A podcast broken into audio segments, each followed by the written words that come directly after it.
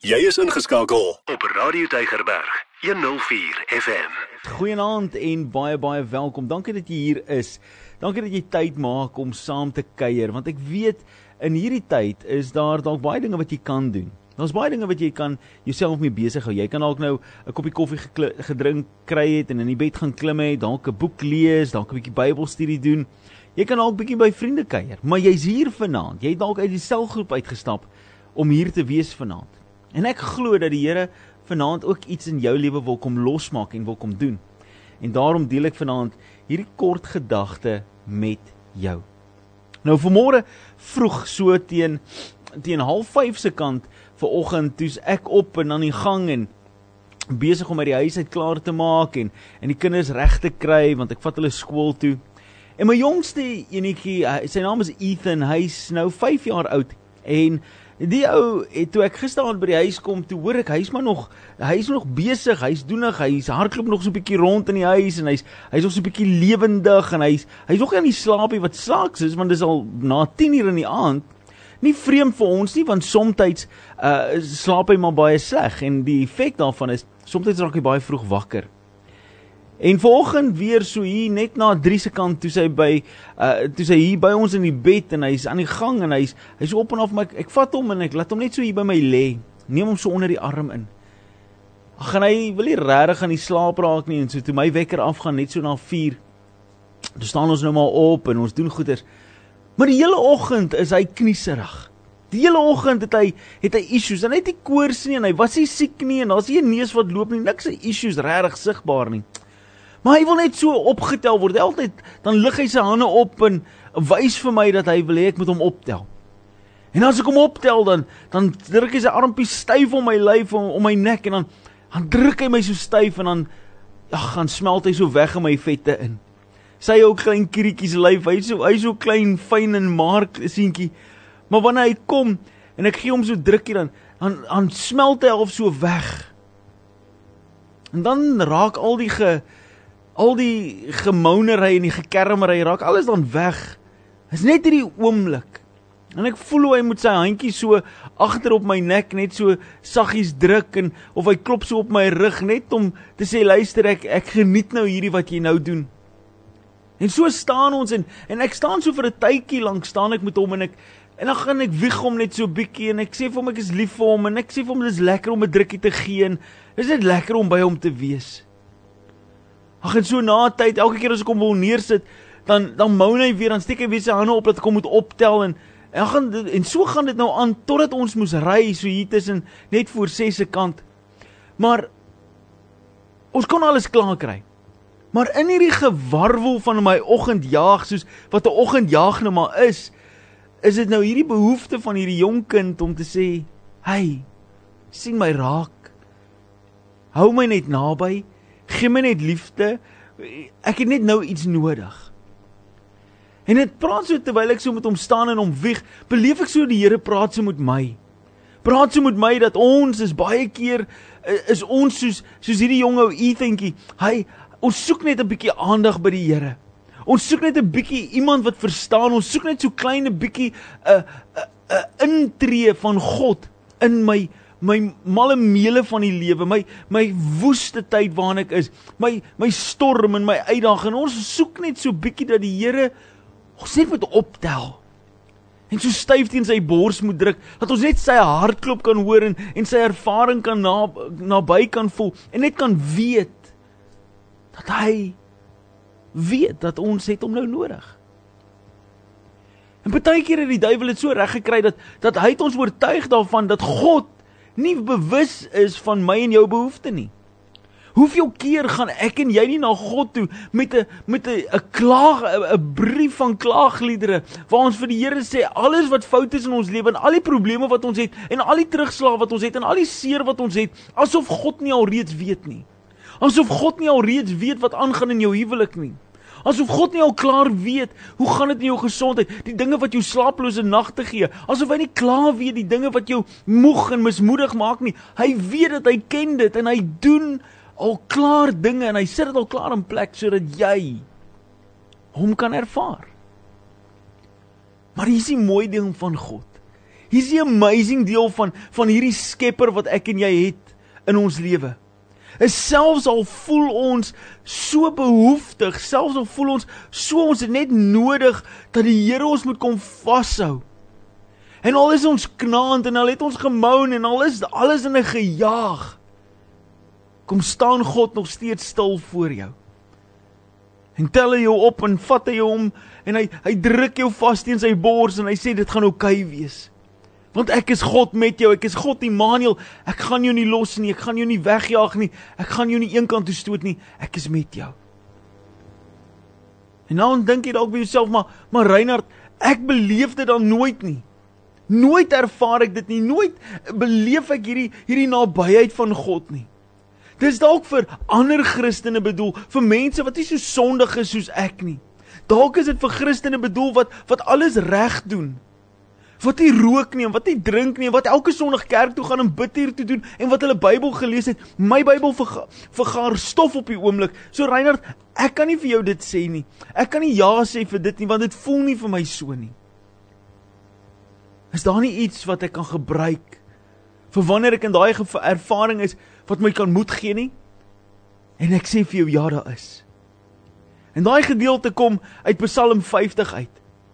Nou hier's vir jou goeie raad. Miskien is jy nie iemand wat so maklik onthou hierdie verse wat wat ons so baie keer lees nie.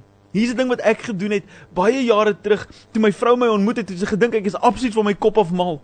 Want al die speels in my huis was opgeskryf gewees met met whiteboard marker. Uh, die mense wat verbygery het gedink hierdie ou is absoluut hy hy moet absoluut sy verstand verloor het of hy's 'n genie want op my op my vensters wat uitkyk na die straat toe het ek verse geskryf, dinge geskryf. Dit gelyk soos 'n een van hierdie hierdie eksentrieke geniuses wat oral skryf op al die glase goeters. Maar ek het 'n whiteboard marker gevat, op my yskas geskryf, op my spieël geskryf, in die badkamer dan het ek verse geskryf wat sê ek is die kop en nie die stert nie. Dan skryf ek Jeremia 29 vers 11, die planne wat die Here het vir my is goeie planne. Dan skryf ek goeie soos Jesaja 43, jy is die een wat geroep is deur die Here om die goeie nuus van die van die koms van die Here te verklaar. Dan doen jy dit. Dan Matteus 19 vers 14, moenie die kindertjies weier nie want aan hulle behoort die koninkryk van God. Van God. Ek het geskryf verse as die Here dit in my gees gedrop het, dan skryf ek dit neer. Nou hierdie is 'n vers wat jy kan gaan neerskryf.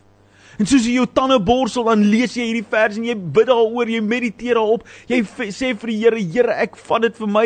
Dis die waarheid. Ek glo dit. Ek gaan nie terugstaan nie. Hierdie is my belofte van U af. En dis Psalm 50 vers 4. Hier sê die psalmdigter Dawid skryf hy hierdie gedeelte in 'n reaksie op wat God kom sê het. En God se woorde wat hy kom openbaar in Dawid is die volgende. Hy sê: "Roep my aan in die tyd van jou benoudheid. Psalm 50. Roep my aan in die tyd van jou benoudheid. En ek sal vir jou 'n God wees. En jy sal my eer. Roep my aan in die tyd van jou benoudheid en ek sal jou red. En jy sal my eer.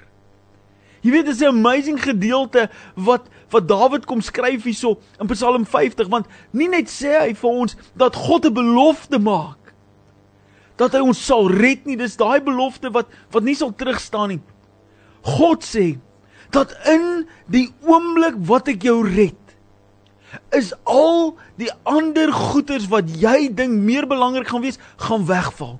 Al die ander prentjies van my val weg. Al die ander idees van wie jy dink ek is, raak weg, want daar gaan een ding oor wees. Ek gaan jou so red dat jou lewe en jou reaksies en jou jou denke, jou spraak, alles gaan oorgaan in eer aan my. God sê hierso, wanneer ek vir jou deur gaan kom, gaan dit nie net 'n pleistertjie wees wat opgeplak is nie. Nee nee nee, wanneer ek deurkom vir jou, doen ek 'n wonderwerk wat so groot is dat jy op jou knieë gaan val en my gaan eer, my gaan loof en my gaan prys, want dis net die Here wat dit kon gedoen het, niemand anderste nie. Jy sien, dis die dis die krag van wat God bring vir my en vir jou. Hy sê dat wanneer ons hom aanroep, wanneer jy desperaat is, wanneer jy moeg is, wanneer jy eensaam is, wanneer jy alleen is, wanneer jy hartseer is, dis dan wat die Here kom en hy jou red. Nou God het nie nodig dat ons wag dat die hele kaboedel uitmekaar uitval en ons hoef nie te wag tot daar groot probleme is nie. Ons kan elke dag elke liewe dingetjie kan ons na hom toe vat. Die petrolprys wat hoog is, Eskom se krag, jy weet load shedding, al die tipe goedes. Ons kan dit na hom toe vat en sê Here, hierdie goedes maak my benoud want dit dit dit kos my geld. Dit maak dit moeilik. Dit is moeilik om in die aande die huis aan die gang te hou as dit load shedding is vir 2, 3 en 4 ure. Dit is moeilik. Here, ek nodig U nabyheid en God sê ek sal jou red. God sal deurkom. En weet, as ons die Here kan vertrou vir genesing, vir die redding van siele, as ons die Here kan vertrou vir finansiële deurbraak, hoekom kan ons hom nie vertrou vir 'n Eskom probleem nie, vir 'n Eskom oplossing nie? Hoekom kan ons hom nie vertrou vir 'n petrolprys wat afgaan nie? Hoekom kan ons hom nie vertrou vir die kospryse om af te kom nie? Hoekom kan ons hom nie vertrou vir die terugkoopkoers om rente laer te maak nie? Ons kan die Here daarvoor vertrou want hy is betroubaar. En hy weet wat jou wat jou moeg maak. Hy weet wat jou angstig maak. Hy weet presies wat jou vanaand slaaplose nagte gaan gee. En al wat jy doen is jy roep hom aan. Jy roep hom aan. Here kom help. Jy hoef nie 'n lang gebed te bid nie. Jy hoef nie allerlei groot woorde te gebruik nie. Dis Here red my. Here help my. Here kom doen in my. Want God weet. God weet al klaar wat jou behoeftes is nog voordat jy dit gespreek het. En God weet ook al klaar wat hy gaan doen. God weet al klaar hoe hy gaan deurkom, hoe hy 'n wonderwerk gaan doen. Hy weet al klaar hoe hy jou gaan red. En dis vir my en vir jou om te ontdek. Daar's hierdie vers wat sê, "No eye have seen, no ear has heard, neither has it entered the heart of man what God is about to do." Jy sien ons ons dink as as die Here net my skuld afbetaal, dan's ek gered. Ai. Ai. Ons dink as die Here net gou hierdie verkouetjie wegvat, nee, dan het ek 'n wonderwerk gedoen en en dan's ek verlos. Ja, jy het 'n wonderwerk gesien. Maar daar's soveel meer wat die Here wil doen. Jy dink as die Here vir jou 'n werk gee, dan het hy die grootste taak ooit gedoen en gaan jy nooit weer sukkel nie. Luister. Daai werk wat jy het is dalk net die stepping stone vir die vir die volgende promosie. Maar dis die deur waartoe jy gaan. Dit wat God beplan het vir jou lewe, het jy nog nie eens gedink, gedroom of verbeel nie. So waarom wil ons nie net uit God se pad uitkom en toelaat dat hy 'n wonderwerk kom doen nie, om net vir hom te sê Here, kom nou, kom doen dit. Ek staan nie in die pad nie. Roep my aan, sê hy. Roep my aan. In die dag van jou benoudheid. En ek sal jou uithelp en jy sal my eer sê die Here.